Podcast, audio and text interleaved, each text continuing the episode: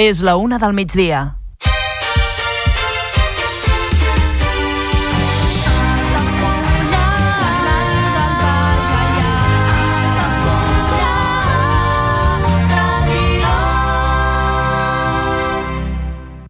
Altafulla Ràdio. Serveis informatius.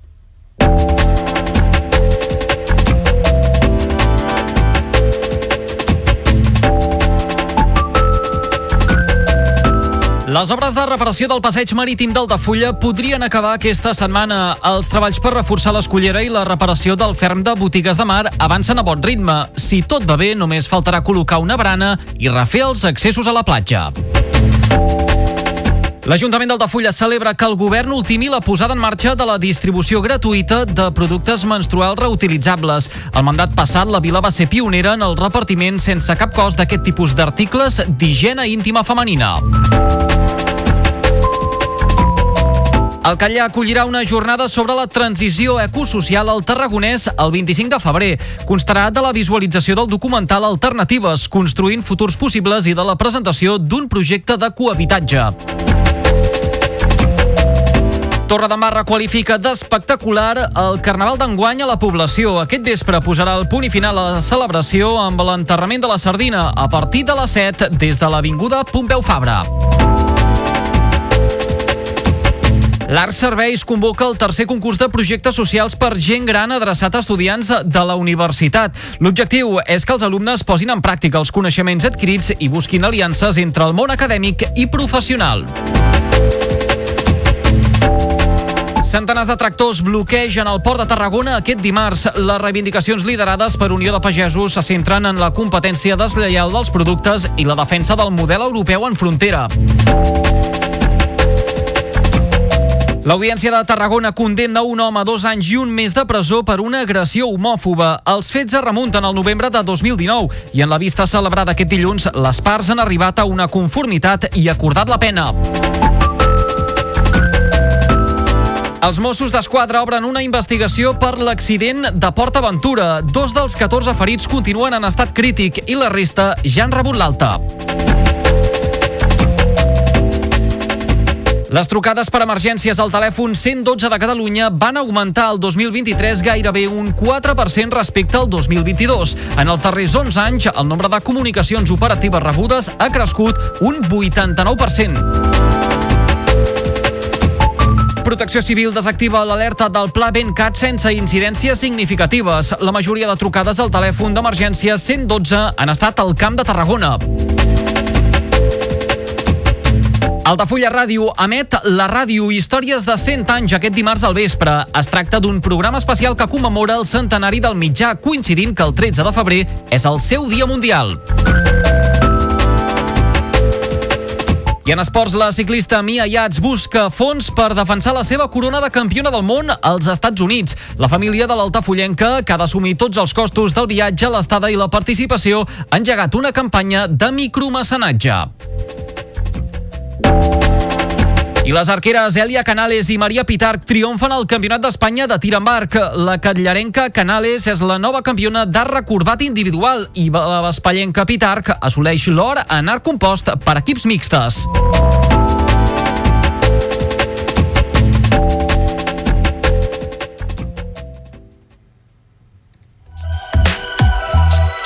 Altafulla Mar Hotel. Esdeveniments familiars, comunions, batejos i casaments i reunions d'empresa. Sales privades amb llum natural, terrassa i accés al jardí, des de 10 fins a 200 assistents. Altafulla Mar Hotel, el teu espai de confiança per a les teves celebracions familiars al barri marítim d'Altafulla. Demana pressupost sense compromís trucant al 977 65 11 55. Altafulla Mar Hotel. Altafulla Mar Hotel patrocina l'informatiu.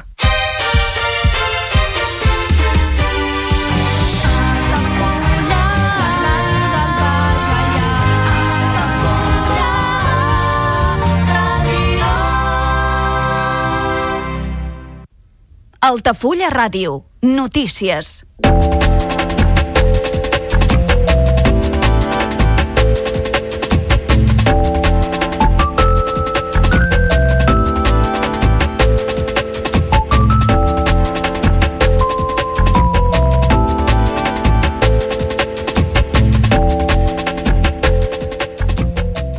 A finals d'aquest mes de febrer farà quatre mesos de l'esfondrament d'una part del ferm del passeig de botigues de Mar d'Altafulla. Des d'aleshores que aquest atractiu de la vila ha estat al centre de moltes mirades i comentaris, donada la importància que suposa per al principal motor econòmic de la població com és el turisme i també per la forma com s'ha de gestionar el litoral i els embats de l'aigua i els temporals en el context actual de canvi climàtic.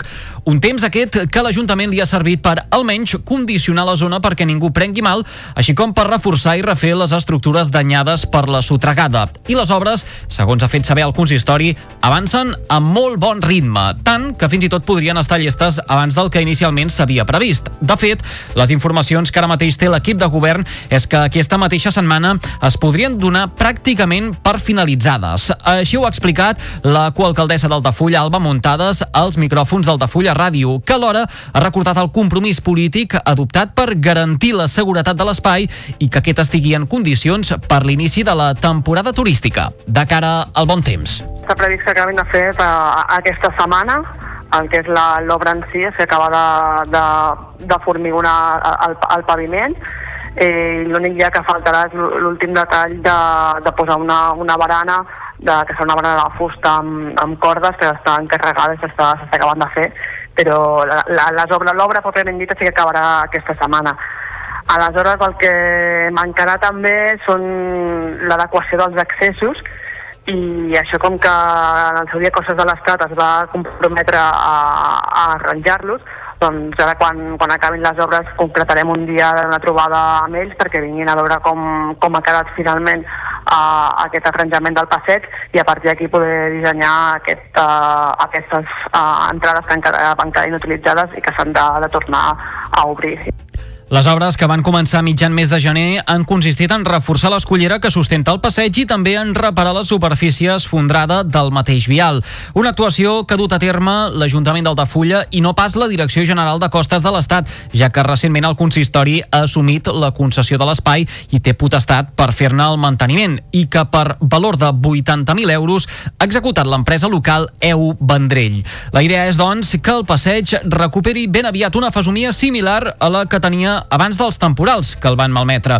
I és que durant aquestes intervencions han consistit en la recol·locació d'algunes de les roques de contenció de l'estructura i, en la eh, i en la instal·lació d'una llosa de formigó per permetre el pas de la gent. La qualcaldessa Alba Muntades ha explicat que encara mancarà una brana de fusta i uns bons accessos a la platja i que si més endavant s'aporta sorra al tram central de botigues de mar, en cap cas s'abocarà sobre l'escollera reformada. Les pedres quedaran, quedaran a la vista i si s'aconsegueix fer una aportació de sorra doncs es farà més a, a nivell de platja, no, no està previst en cap moment de fer a, a un nivell més alt, ja que re, resulta contraproduent per, per dues raons. Primer que tapes l'escollera i no saps, no saps on està i aquella sorra no està consolidada i quan, quan xafes doncs hi ha el perill de, de d'enfonsar-te i acabar contra les peses i creiem que això és perillós i per altra banda per la mateixa estabilitat de, de la platja quan poses uh, aquesta sorra en un pendent que no és ni de bon tros el,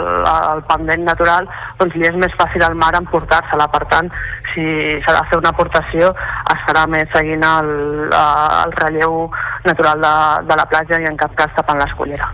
Paral·lelament a les obres de reparació del passeig marítim, la Universitat Politècnica de Catalunya està elaborant un estudi sobre el conjunt del litoral altafollenc. La finalitat d'aquest és que en un futur es puguin impulsar accions més clares i definitives respecte a la regressió de la platja, un treball, per cert, que ja compta amb uns resultats preliminars.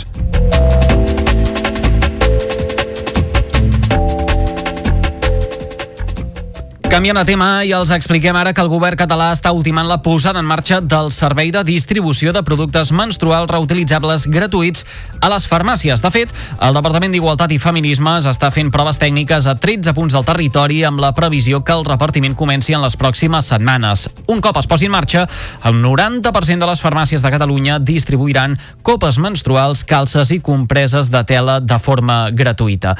Els productes es podran recollir mostrant un codi QR que les persones menstruants trobaran a l'aplicació La meva salut. Per ara, el govern està fent test d'estrès per tal d'assegurar que el procediment funciona i que totes les farmàcies implicades tindran estoc de cada producte.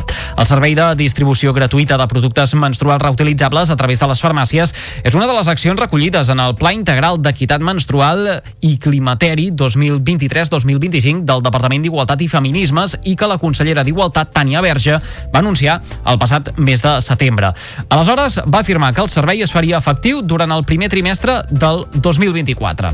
La notícia, aleshores, ja va ser molt ben rebuda per part de l'Ajuntament d'Altafulla i ara la coalcaldessa, Alba Muntades, ha celebrat que l'acció ja estigui pràcticament a punt d'implementar-se. De fet, la també responsable de l'àrea de polítiques de gènere d'Altafulla ha recordat que el municipi va ser pioner el mandat passat en la distribució gratuïta d'aquests productes. Ho valorem molt positivament, però com dius, eh, aquesta idea la, la vam eh, posar nosaltres en pràctica al mandat anterior.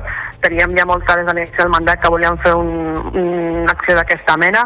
Vam poder aprofitar una, una subvenció per dur-la a terme, no només aquest repartiment de, de copes menstruals, sinó també acompanyar-lo amb uns tallers, sobretot a l'institut, però també al, al punt d'informació juvenil, per acompanyar a, a les noies i, i als nois també que coneguin uh, el, aquest cicle menstrual i tren, trencar tabús i ensenyar altres maneres de, de gestionar la, la regla com és aquesta, aquesta copa menstrual. De les més de 3.200 farmàcies que hi ha a Catalunya, el govern afirma que gairebé la pràctica totalitat oferirà productes menstruals. Aquestes, un cop es posi en marxa el servei, tindran un element identificatiu que indicarà que disposen de productes menstruals reutilitzables gratuïts. Més enllà de les proves tècniques, el Departament d'Igualtat i Feminismes, juntament amb el Consell de Col·legis de Farmacèutics de Catalunya, també està fent formacions per tal que els farmacèutics acompanyin a les dones a l'hora d'escollir els productes. D'aquesta manera, un cop a la farmàcia, farmàcia podran escollir entre copes menstruals, calces i compreses de tela i per fer-ho tindran l'ajuda d'un farmacèutic format en la matèria que l'assessorarà tenint en compte les seves necessitats i preferències. En aquest sentit, la coalcaldessa d'Altafulla, Alba Muntades, als micròfons d'Altafulla Ràdio, ha insistit en aquesta necessitat d'orientació i assessorament, sobretot de cara al jovent. Un acompanyament que al seu dia ja es va oferir a la vila mitjançant xerrades i formacions que es van acordar amb els centres educatius del municipi.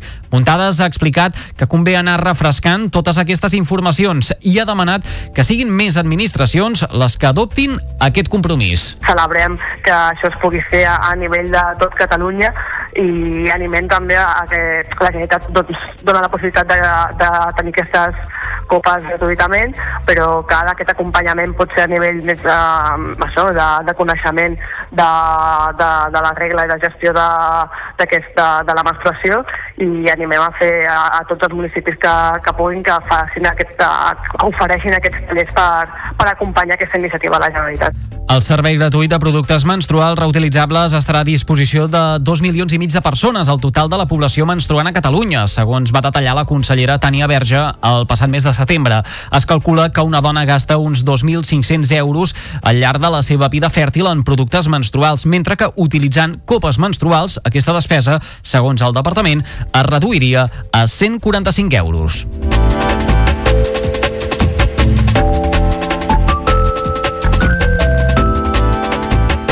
Centrem-nos ara en d'altres informacions en l'àmbit subcomarcal.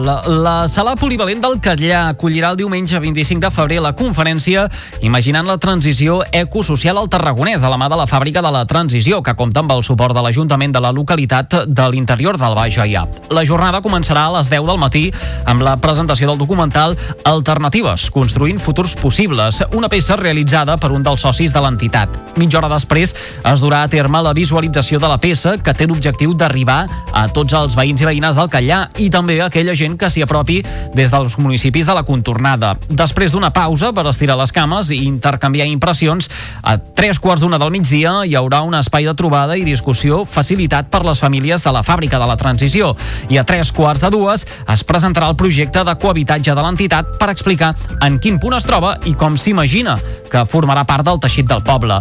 La jornada clourà a les dues del migdia amb un aperitiu pels assistents assistents.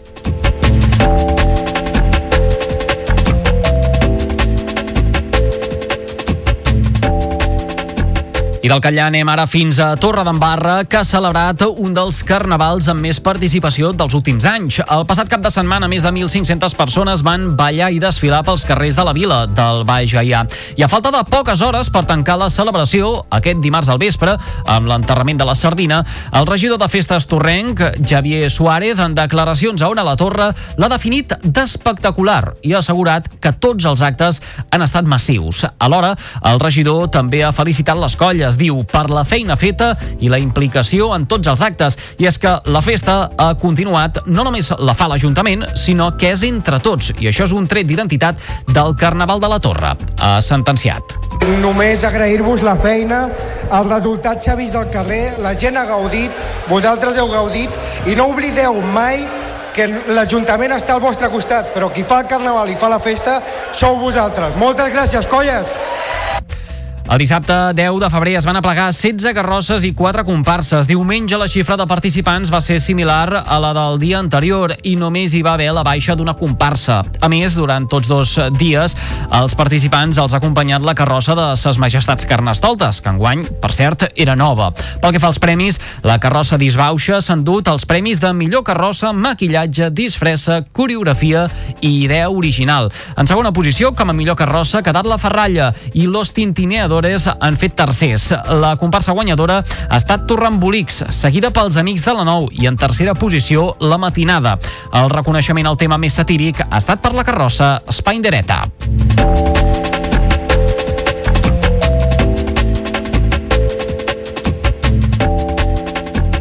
I ara els hem d'explicar que l'Arc Serveis i la Universitat Rovira i Virgili convoquen el tercer concurs l'Arc Serveis Assistencials de Projectes Socials.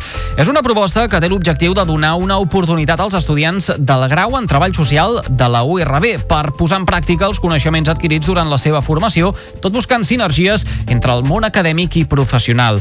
La gerent de l'Arc Serveis, Jerusalem Torre, ha explicat als micròfons d'Altafulla Ràdio que la finalitat del concurs és proporcionar eines d'intervenció i millora de de la qualitat de vida de la gent gran, amb propostes que contribueixin a la seva autonomia i que s'adaptin al seu dia a dia. Ens agrada posar en valor vale, aquests estudiants que inicien i fer aquests vincles. Vale? Primer perquè eh, pensem que són recent estudiants i ens donen mm, moltes idees i una altra visió ¿vale? Ells el que posen en valor el, el que fan l'estudi. Ja és, el, ja és el tercer any que el fem i el primer i el segon va ser realment estupendo. Ja tenim els projectes que ja estan instaurats dins dels domicilis. El primer va ser l'Alexa i el segon a les TICs. I aquest segon ens va donar a nosaltres una visió molt àmplia perquè fem eh, moltes valoracions i busquem eh, moltes eines que nosaltres podem proporcionar dins dels domicilis. Eh, esperem que aquest tercer any, enguany, també serà igual de fantàstic. Els estudiants de grau en treball social poden presentar els seus projectes o propostes individuals fins al dia 29 de febrer a les seves universitats. Aquests han de ser viables per incorporar a l'empresa amb l'objectiu de facilitar la vida de les persones grans o amb dependència que resideixen a la seva llar. Actualment, els projectes de la primera i la segona edició ja s'han implementat i han arribat als diferents domicilis del Tarragonès i del Baix Penedès amb uns resultats i una valoració molt positiva. El premi del tercer concurs L'Arc Serveis Assistencials de Projectes Projectes Socials 2024 serà lliurat en el transcurs d'un acte a la Rovira i Virgili que s'anunciarà més endavant.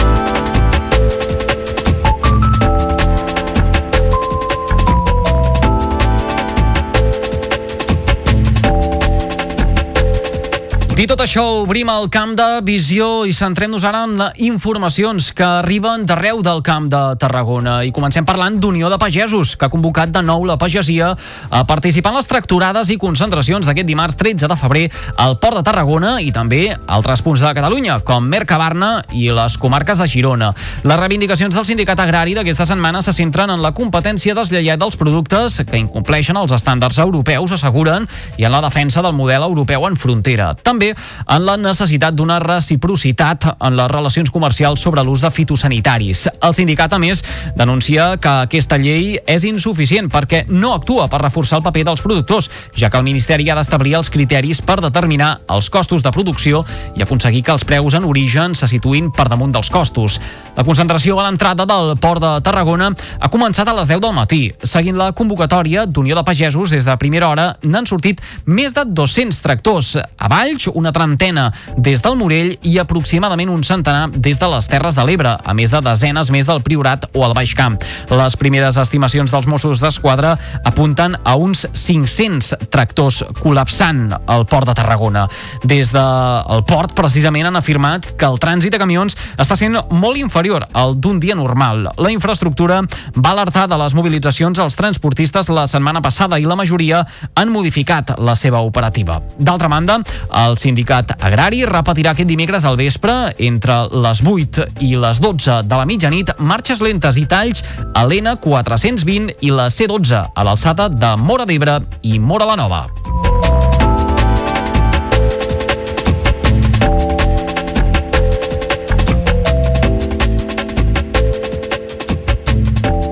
Obrim crònica de successos per explicar-los que l'Audiència de Tarragona ha condemnat un home per agredir dos individus l'any 2019 a Tarragona.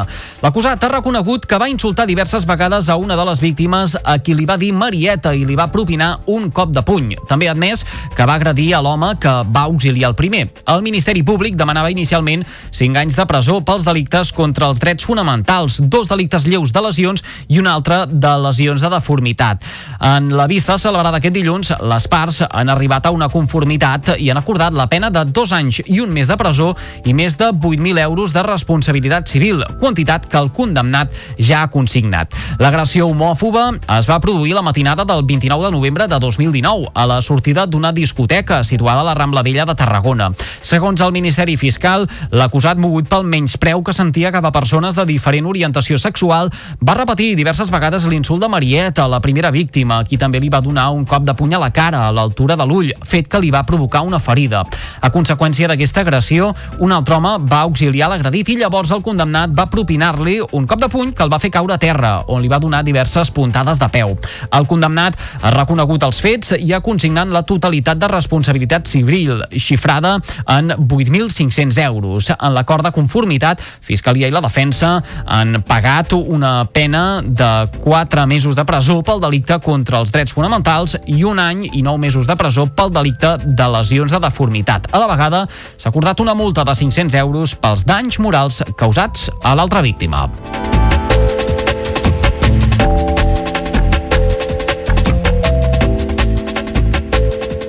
I d'altra banda, els Mossos d'Esquadra han obert una investigació per l'accident que es va produir aquest diumenge en una atracció de Port Aventura i que va deixar 14 persones ferides.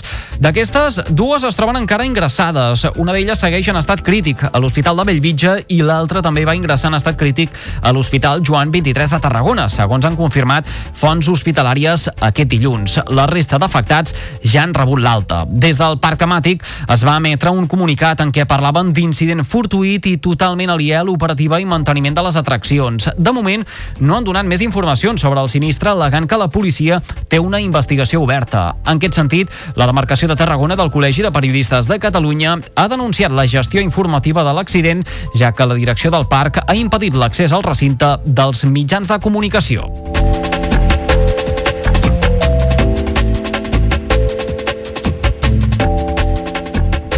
Més coses, el Centre d'Atenció i Gestió de Trucades d'Urgència 112 Catalunya, CAT 112, va rebre l'any passat més de 2.300.000 trucades operatives. És a dir, queden originades per avisar d'una emergència i van activar algun tipus de recurs, com policia, bombers, emergències mèdiques, agents rurals o protecció civil.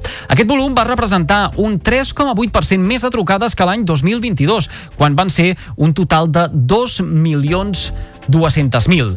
Pel que fa a les tipologies de trucades operatives rebudes, el gruix més important van ser les de seguretat, el que representa un augment del 7,7% respecte a l'any anterior. En segon lloc, hi va haver les trucades per demanar assistència sanitària, derivades al sistema d'emergències mèdiques, amb un descens del 0,3% respecte al 2022. Les trucades relacionades amb temes de trànsit van ser més de 327.000 al 2023, un 4% més més que l'any anterior i per civisme es van rebre 200.000 trucades, el que va representar un 2,5% menys que el 2022. Les trucades derivades als bombers per incendis van suposar el 4,6% del total. I que representa un augment del 4,6%. Des del 2013, les trucades operatives al telèfon d'emergència 112 han anat en ascens i han passat d'1.200.000 al 2013 als 2.300.000 d'aquest passat 2023. Així, en els darrers 11 anys, el nombre de trucades operatives rebudes al 112 ha crescut un 89%.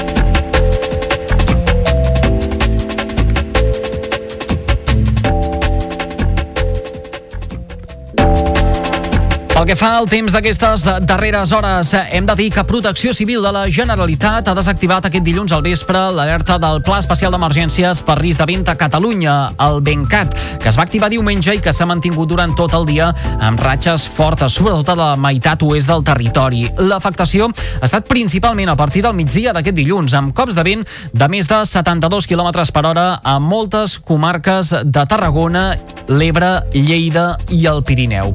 Alguns dels cops cops de vent més destacats han estat, segons el Servei Meteorològic de Catalunya, el Parelló, de 108 km per hora, de 102 a Montroig al Camp, de 85 a Constantí o 84 a Riu de Canyes. El telèfon d'emergència 112 ha rebut aquest episodi i fins a les 10 del vespre d'aquest dilluns un total de 97 trucades pel fort vent, la majoria de les quals han estat al Camp de Tarragona. Les comarques amb més trucades han sigut el Baix Camp amb 54 i el Tarragonès amb 10. I el municipi municipi amb més trucades ha sigut amb molta diferència Reus, amb 31. Els bombers de la Generalitat han rebut 64 avisos relacionats amb les fortes ventades, sobretot a la regió d'emergències de Tarragona i en concret a la ciutat de Reus, on s'han donat una trentena dels avisos. La gran majoria d'aquests han correspot a arbres i branques caigudes i material precipitat a la via pública.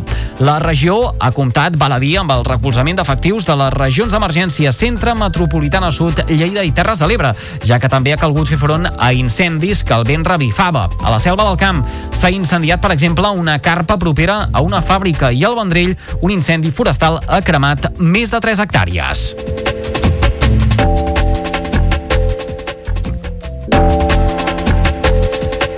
I abans dels esports els hem d'explicar que avui és el Dia Mundial de la Ràdio i Altafulla Ràdio, juntament amb desenes d'emissores més de tot el país, emetrà la ràdio Històries de 100 anys, un programa especial radiofònic que commemora el centenari del mitjà. Inclou escenes teatralitzades, reportatges de la història de la ràdio i fragments històrics dels arxius sonors de la ràdio a Catalunya. El programa és una coproducció de la xarxa audiovisual local i Altafulla Ràdio es podrà seguir a partir de les 8 del vespre vespre pels seus canals habituals, el dial 107.4 de l'FM, la televisió digital terrestre, l'streaming, www.altafullaradio.cat i l'aplicació Android de la casa. Paral·lelament, aquest 13 de febrer l'espai també es podrà recuperar a la plataforma La Xarxa Més. Al llarg de tot un segle, la ràdio ha estat testimoni directe i la banda sonora d'acompanyament per unes quantes generacions de ciutadans de Catalunya. En aquest programa especial, amb motiu del Dia Mundial de la Ràdio, es recreen vivències familiars, esdeveniments col·lectius o moments de celebració i de festa viscuts a través de la ràdio. Són 55 minuts en els quals es podran escoltar arxius d'àudio, reportatges de la història del mitjà i escenes teatralitzades, com un viatge als anys 80 en què es connecta en directe amb la Sala Europa per entrevistar un músic de l'època o la recreació d'un reportatge casteller.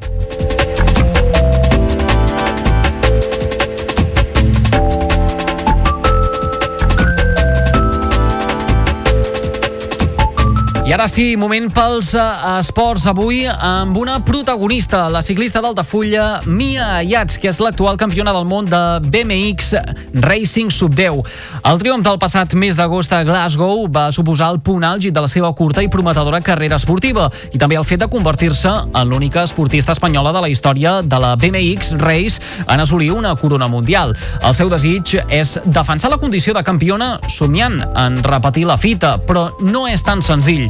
El Campionat del Món se celebra enguany a Rock Hill, als Estats Units, el bressol d'aquesta modalitat entre el 10 i el 18 de maig. Per tant, els costos del viatge i l'estada són significativament superiors als que els pares de la Mia van haver de pagar l'any passat. I és que, efectivament, els esportistes d'aquestes edats no compten amb cap ajuda econòmica de les respectives federacions, ni nacional ni estatal, i s'ho han de pagar tot de la seva butxaca. Per aquest motiu, la família de Mia Yachts ha engegat una campanya de micromecenatge a través de GoFoundMe. Els fons recaptats es destinaran als bitllets d'avió per dues persones i la bicicleta, al lloguer d'un cotxe per als desplaçaments al circuit, l'allotjament, el menjar, la inscripció i la samarreta de la selecció.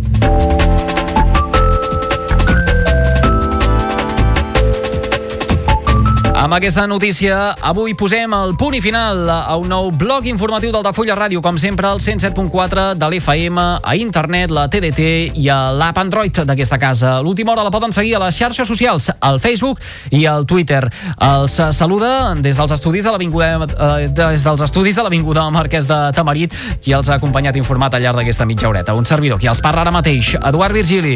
Gràcies per la seva atenció. Ha estat un plaer. Ens retrobem en